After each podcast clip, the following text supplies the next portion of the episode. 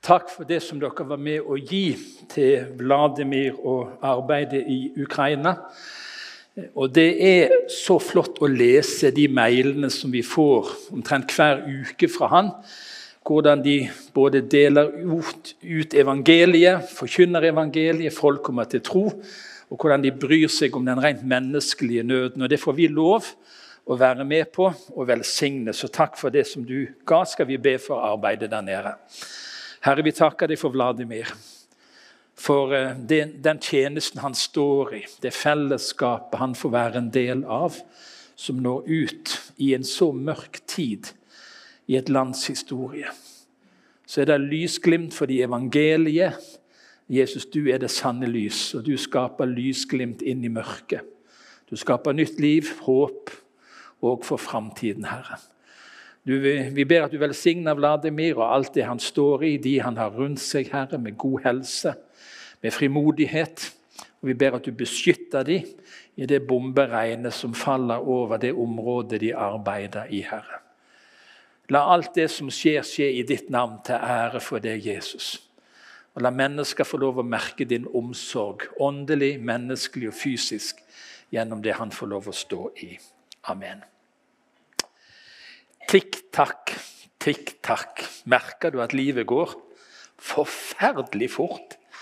Jeg er blitt 65 år, og når jeg var ung, så tenkte jeg 65-åringer de var parkert. Det var liksom slutt. Nå er liksom livet over.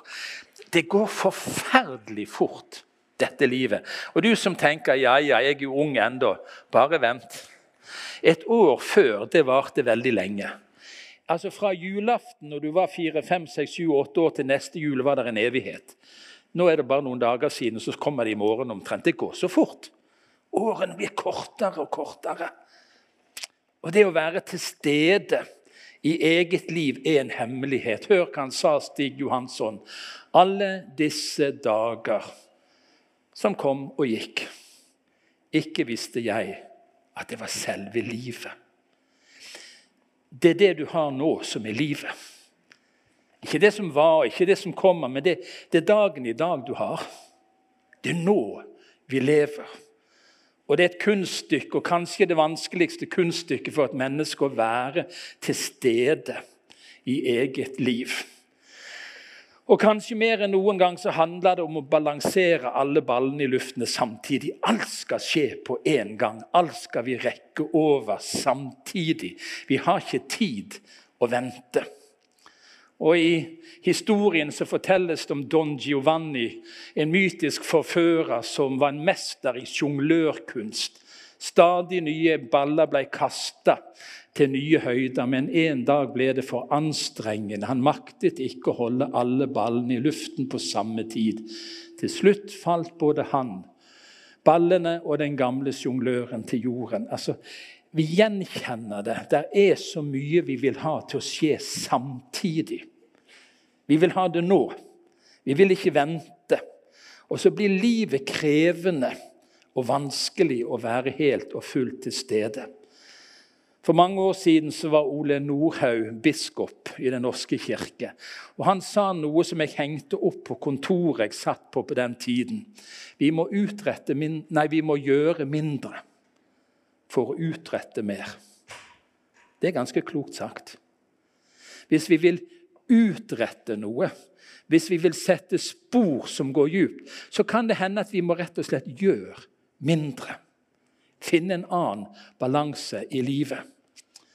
I boken 'Samtidig' så skriver Magnus Malm det interessante er ikke lenger hvem jeg er, men hvem jeg oppfattes å være. Målet er ikke å virkelig lære meg selv å kjenne, men å vekke oppmerksomhet for enhver pris. Dermed filtreres alt som ikke fungerer, bort. Ikke hvem jeg er, men hvem jeg oppfattes som. Og kanskje bedre kan ikke sies enn Hans Børli, skogens dikter. Hør nå. Ett er nødvendig. Her i denne vår vanskelige verden av husville og heimløse, å ta bolig i seg selv. Gå inn i mørket og pusse sot av lampen, slik at mennesker på veiene kan skimte lys i dine bebodde øyne. Det skulle nesten ha stått i Skriften. Det er så godt sagt. Det er altså noe som er nødvendig, og det er å ta bolig i seg sjøl. Så mennesker kan se lys. Der bor noen der. Der bor noen der.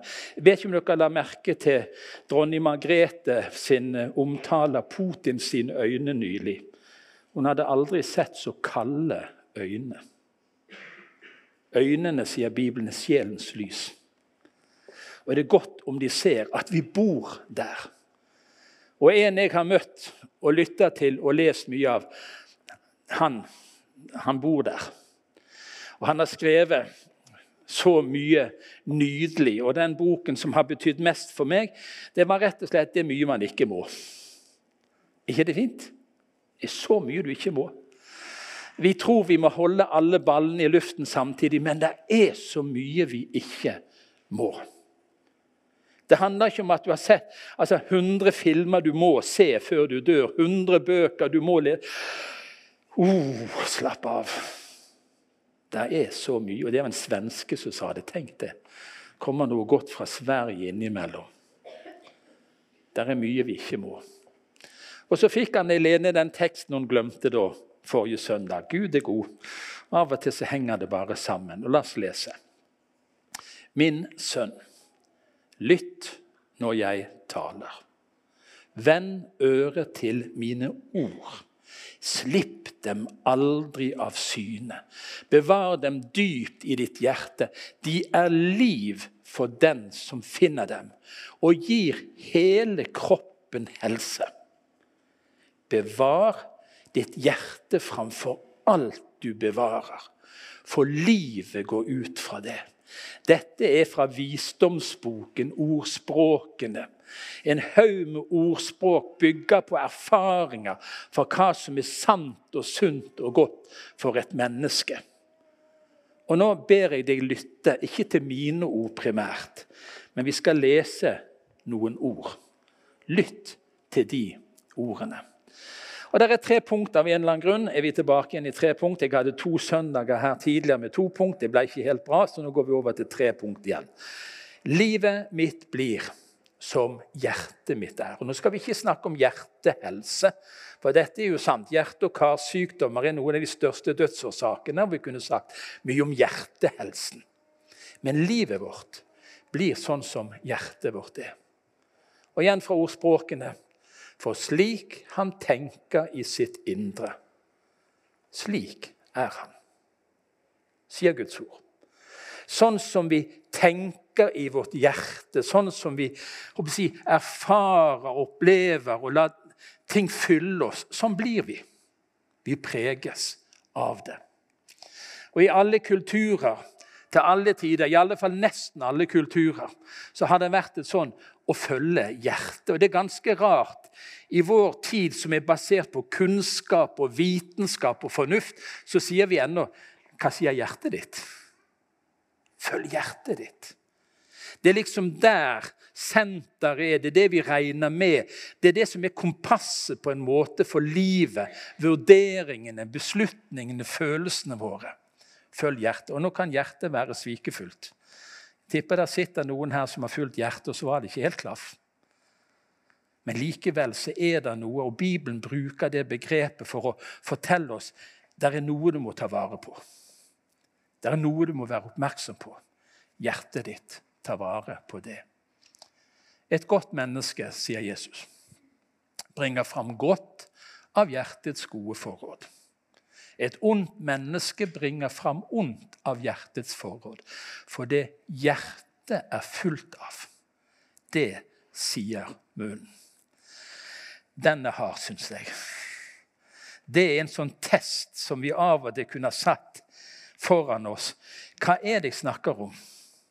Hva er det jeg forteller? Hva er det jeg sier? Det avslører hva som bor i hjertet mitt. Og Jeg har fortalt om han i Betlehem, der jeg vokste opp som ung gutt, som alltid hadde det samme vitnesbyrdet. Hver søndagskveld når ordet ble gitt fritt i Betlehem, Det var jo ikke hver søndagskveld, og det var ikke hver gang han sa det samme, men det er det jeg føler han sa. Så sto han med sin dialekt, som ikke var Bergen, så sa han Du taler om vær, du taler om vind. Du taler om rosa på ungdommens kinn, kvi taler du ikke om Jesus? Så tenkte jeg uff, ikke nå igjen. Enda en uke hvor jeg ble tatt på fersken at det bobla ikke over av Jesus. Og så traff det, og så sitter det nå 50 år etterpå, så husker jeg Du skjønner, det hjertet er fullt av.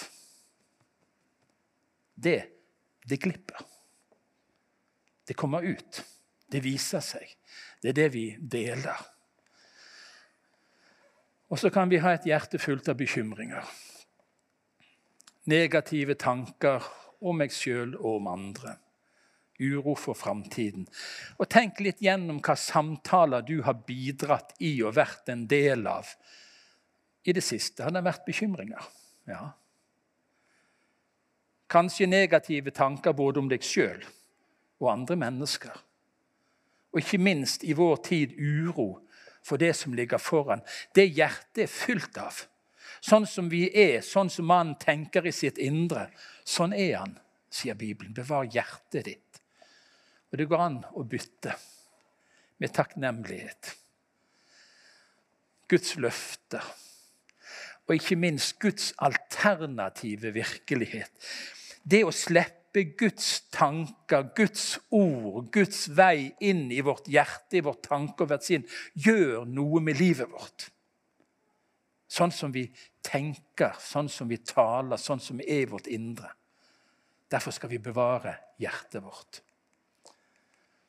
Hvem sier Gud at du er? Nå skal vi gå helt tilbake igjen. Helt ifra begynnelsen. Gud sa, 'La oss lage mennesker i vårt bilde, så det ligner oss.' Og Gud skapte mennesket i sitt bilde. I Guds bilde skapte han det til mann, som mann og kvinne skapte han dem. Jeg syns det er befriende å vite med alle mine skavanker og utfordringer. Jeg er skapt i Guds bilde. Jeg er skapt av Gud. På skremmende, underfullt vis står det. Min identitet er primært å være skapt av Gud. Av Han som elsker meg, som ga livet sitt for meg. Han som bare har gode tanker om framtid og håp. Jeg er skapt av Han. Du er skapt av Han.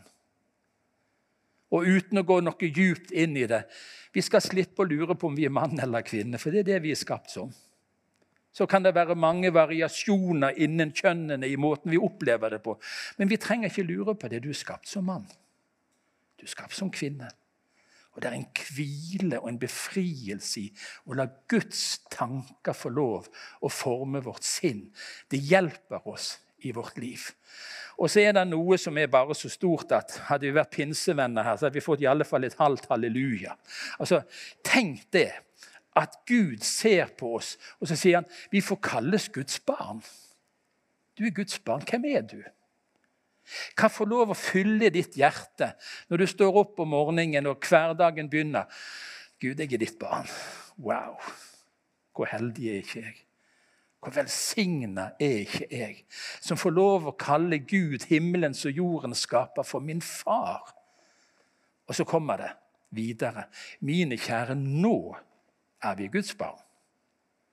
Nå. Og det er ennå ikke åpenbart hva vi skal bli. Men vi vet at når Han åpenbarer seg, skal vi bli lik ham. For vi skal se ham som han er. En dag, folkens, når forhenget dras til side så ser vi Jesus. Ansikt til ansikt.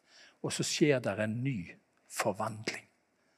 Så blir vi lik han. Så skjer det som vi har drømt om å kjempe med, og skulle ligne mer på Jesus. Men en dag så skjer det. Nå er vi Guds barnfolk. La du det få komme inn i hjertet ditt. Tankene dine, sånn som du tenker, sånn er du. Ta vare på hjertet ditt. Slipp det inn. Du er et Guds barn. Og det er svært. Og så skal det bli enda større, det som ligger foran. Og så er det en sånn liten nøkkel. Vi snakker om å bety noe for andre. Og så sier Bibelen du skal elske din neste som deg sjøl. Det fins en positiv sjølkjærlighet. Det fins noe godt i å kunne hvile i seg sjøl og si sånn er jeg, skapt av Gud. Ja, det er et par ting som utfordrer både meg og andre i dette livet, men sånn er jeg nå skapt. Sånn er jeg. Og det er godt. Og det er flott at Gud skapte meg akkurat sånn. Og sånn som jeg aksepterer meg sjøl, skal jeg få lov å møte andre mennesker. Når jeg finner hvilen, jeg faller til ro, og si, når jeg er til stede i mitt eget liv og aksepterer det, så blir jeg bedre i stand til å møte andre mennesker med respekt og med kjærlighet og med godhet. Og så sier Jesus, 'Jeg kaller dere venner'. Jeg kaller dere venner. Hvem er du? Vi tenker ofte det at vi er Guds problembarn. Jeg har møtt mange som sier det. Uff, jeg lager visst bare problemer for Gud. Jesus, når han ser på deg, så tenker han en venn. Hun er min venn. Han er min venn. Det får lov å være vår identitet. Fylle vårt hjerte med det. Og så preger det livet vårt når hjertet blir fylt av det. Og Så kommer det en øvelse som jeg har bare lyst til å anbefale dere. 2. Korinterbrev, kapittel 10. Vi river ned tankebygninger og alt stort og stolt som reiser seg mot kunnskapen om Gud. Vi tar hver tanke til fange under lydighet mot Kristus. Når tanker kommer som ikke stemmer med Guds ord, hva gjør du da? Lar du de få rot, slå de ned i hjertet ditt og prege deg, og sier du nei? Sorry. Den tanken stemmer ikke med Guds ord. Jeg gikk på søndagsskolen helt til jeg var 13 år. Jeg trengte mange år på søndagsskolen. Til slutt overtok vi hele klassen og begynte å undervise sjøl. Og Vi lærte en sang, nummer 100 i sangboken. Den har vi sunget her. 'Jesus er kongen min'. Nydelig sang. Men én sang sang vi ganske ofte på søndagsskolen. Når fristeren kommer og banker på mitt hjerte, så spør han om han får komme inn. Da svarer jeg nei, det kan du ikke. For Jesus har alt kommet inn. Dere har gjerne ikke hørt dette lenge siden. Så nå er vi 60 år tilbake i tid nesten. Sant? Men vet du hva? Hver tanke som kommer som en løgntanke, skal du få lov å ikke la slå rot i ditt hjerte. Alt som er usant om deg og mennesket om livet, skal ikke få lov å slå rot i ditt hjerte, for du blir prega av det. Bevar hjertet ditt, folk. Og tenk alt vi frivillig utsetter oss for å se og høre, som bryter ned vårt hjerte, som fyller vårt hjerte med løgntanker. Og Mer enn noen gang tror jeg at vi som vil høre Jesus til, vi må ta hver tanke til fange. Under lydighet mot Kristus. Der ligger noe av å være til stede. Jeg vil være til stede i eget liv. Jeg vil la hjertet mitt være fylt av, prega av, sannheten. Ikke løgntankene. Og Når han kommer og banker på mitt hjerte, så sier jeg nei. Jesus er der. Det er ikke plass til deg òg. Der hjertet hviler. Vi har talt om det før en av disse søndagene, en av de første søndagene i vinter. Martha Maria og Martha som fikk den kjedelige beskjeden du gjør deg strev og uro med mange ting. Kristenlivet for mange er aktivitet. Stress. Du kjenner deg på en måte ikke i balanse eller på rett sted hvis ikke du gjør noe. Hvis du ikke presterer noe. Og så går du ofte med dårlig samvittighet. 'Jeg burde ha gjort mer. Jeg burde ha bedt mer. Jeg burde ha lest mer.' Jeg burde ha oh, Og så er det slitsomt å være en kristen. Vi gjør oss strev og uro med mange ting. Der er altså et evangelie å hvile i. Evangeliet om vår frelse handler om at alt som skulle gjøres for at du skulle få være et Guds barn, det er gjort. Det har Jesus gjort. Ikke med alt ditt strev, ikke med alle dine gjerninger, ikke med alt det du legger til, blir du et bedre Guds barn eller mer Guds barn. Det er gjort. Det ligger i evangeliet. Evangeliet er den største hemmeligheten i dette universet. Evangeliet, de gode nyhetene om at alt er gjort ferdig som skulle gjøres for at vi skulle få være Guds barn. Det er ferdig. Der fins en plass å hvile. Jo, jeg kan synes det er deilig etter å ha preikt og stått på å hvile. Men min hvile er ikke der. Min hvile er i Jesus i evangeliet. Og Nå kommer det enda en gammel sang. De blir verre og verre, dette her. Den er helt ifra 1890. Men hør hvor fint det ble beskrevet. Hvor finner vel hjertet sin saligste ro? Hos Jesus. Bare hos Jesus. Hvor finnes den grunnfaste klippe for tro? Hos Jesus. Jeg har lyst å vise deg til et hvilested der du kan få legge av alt ditt strev, alle dine forsøk på å bli en bedre kristen og tilfredsstille Gud for å bli elska mer. Legg det av. Det fins ett sted hvor hjertet finner hvile. Hvor hjertet faller til ro. Og det er hos Jesus. Og Er det noe jeg har merka blant en del av de som blir godt gamle og nå må jeg holdt på å si eldre, da er jeg selv med, men de som er skikkelig gamle, det er de som er 70 pluss. liksom. Jeg merker så mange vitnesbyrd på det at Jesus blir viktigere. Jesus blir viktigere. Jesus blir større. Evangeliet blir mer dyrebart. Hvorfor det? Jo, for livet har så mange elementer med seg at hvis du skal klare å holde ut, så trenger vi Jesus så trenger du evangeliet. Og det er det som òg styrker oss. Og Et av mine absolutte favorittbibelvers er Romane 5,1. Da vi altså er blitt rettferdige ved tro, ikke ved gjerninger, ikke ved strev, har vi fred med Gud. Det er den djupeste fred i denne tilværelsen. Å ha fred med Gud. Å være i ufred med Gud må være forferdelig. For han er den som en dag skal dømme himmel og jord. Men du eier fred med Gud. Hvor har du det henne? Ved troen på Jesus. I evangeliet. Ikke i dine forbedringsforsøk, ikke i ditt strev. Du er blitt rettferdig ved tro, og du har fått fred med Gud. Og så ligger også styrken i kristenlivet skjult her. Det er godt at hjertet blir styrka ved nåden. Og ikke med all slags mat og forskjellige ting. Vi trenger mat, for all del. Men når det gjelder hjertet ditt, det du skal bevare, hvor blir det styrka hen? Det blir styrka ved nåden. Ved evangeliet. Men det Jesus har gjort, der ligger styrken. Der ligger virkelig kraften i det kristne livet. Nå har jeg ikke sett på klokken, men da ser jeg at det burde jeg ha gjort. Det gode liv. Det er det tredje punktet. Kanskje noen av dere husker at det var en fjernsynsserie som het 'Jakten på det gode liv'. Ganske spennende mennesker som ble intervjua om hva som var det gode livet. Hva ville de anbefale for andre? Hvor er nøklene til å leve et godt liv? Og Nå har jeg lyst til å vise deg et bilde, og nå ser du det.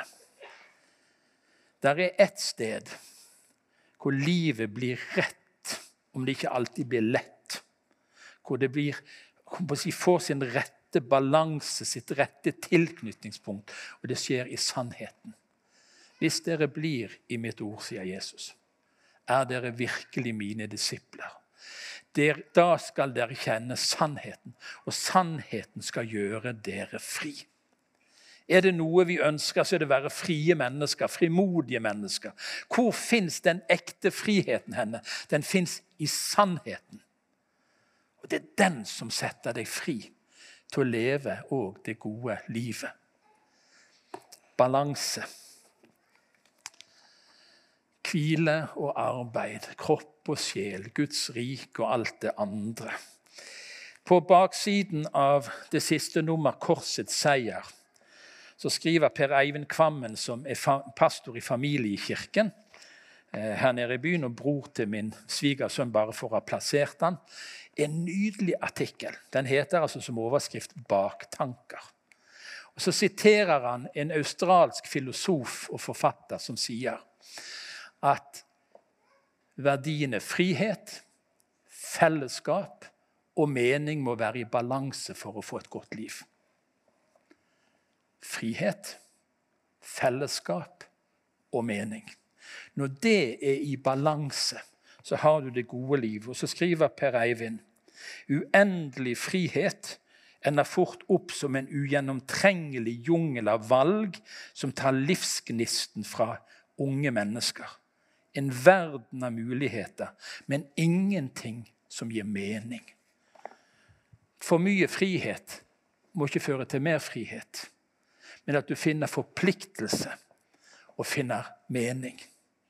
Det er ikke godt å være alene. Jo, det er godt av og til å være alene, men i fellesskapet vi sammen der kommer mening. Og livet blir rikere. Det er en balanse vi trenger. Og jeg tror mange av oss lever i litt ubalanse. Jeg kan si det, For min del er det av og til litt for mye arbeid. Og litt for lite hvile. Kanskje du har opplevd det. Men så går det an å ha for mye hvile og for lite arbeid. Av og til er alt fokuset på kropp og på helse rent fysisk at vi glemmer vår sjel. Og Av og til så handler det bare om sjel og åndelige ting, og så forfaller kroppen. Ikke bra, det heller. Og Av og til så handler alt om hva vi kan få her og nå. Og så blir Guds rike skjøvet til side.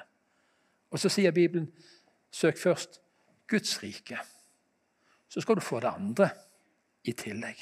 En balanse i livet.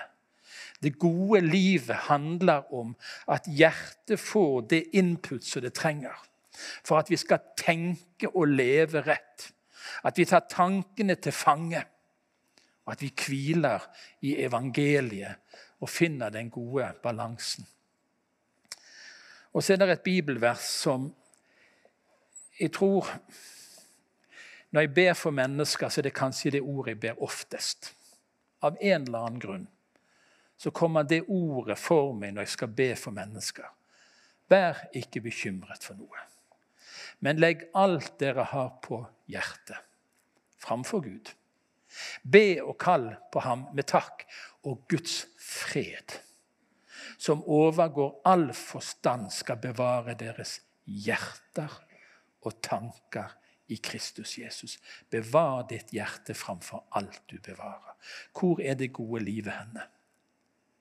Det er i samfunnet ved Gud, hvor Hans fred, som overgår all forstand, den kan komme i situasjoner hvor alt er krig og ufred. Så kan Guds fred ta bolig i oss. Og den kan bevare både hjertet vårt og tankene våre på rett sted. Det er spennende. Dere har fått, dere får utdelt en bibelleseplan. Det, det, det er en grådig god bok, folkens. Og Dess mer du leser, dess bedre blir det. Ikke for å prestere, men det gir mersmak. Ordet viser deg vei til det gode livet. Den balansen hvor du får leve menneskelig sunt og åndelig sunt, og hvor hjertet får ta imot sannheten som setter deg fri. Og nå skal vi be en bønn før vi inviterer til nattvær. Vi skal be en bibeltekst. Jeg skal be den i Efeserbrevet kapittel 2. Og så lar vi det være vår bønn nå til avslutningen av preken. Må Han gi dere lys til hjertets øyne så dere får innsikt i det håp han har kalt dere til. Hvor rik og herlig hans arv er for de hellige, og hvor overveldende hans kraft er hos oss som tror. For en bønn. Så dere får innsikt i det håp han har kalt dere til. Hvor rik og herlig hans arv er for de hellige. Bevar ditt hjerte. Slipp det inn i ditt hjerte. Amen.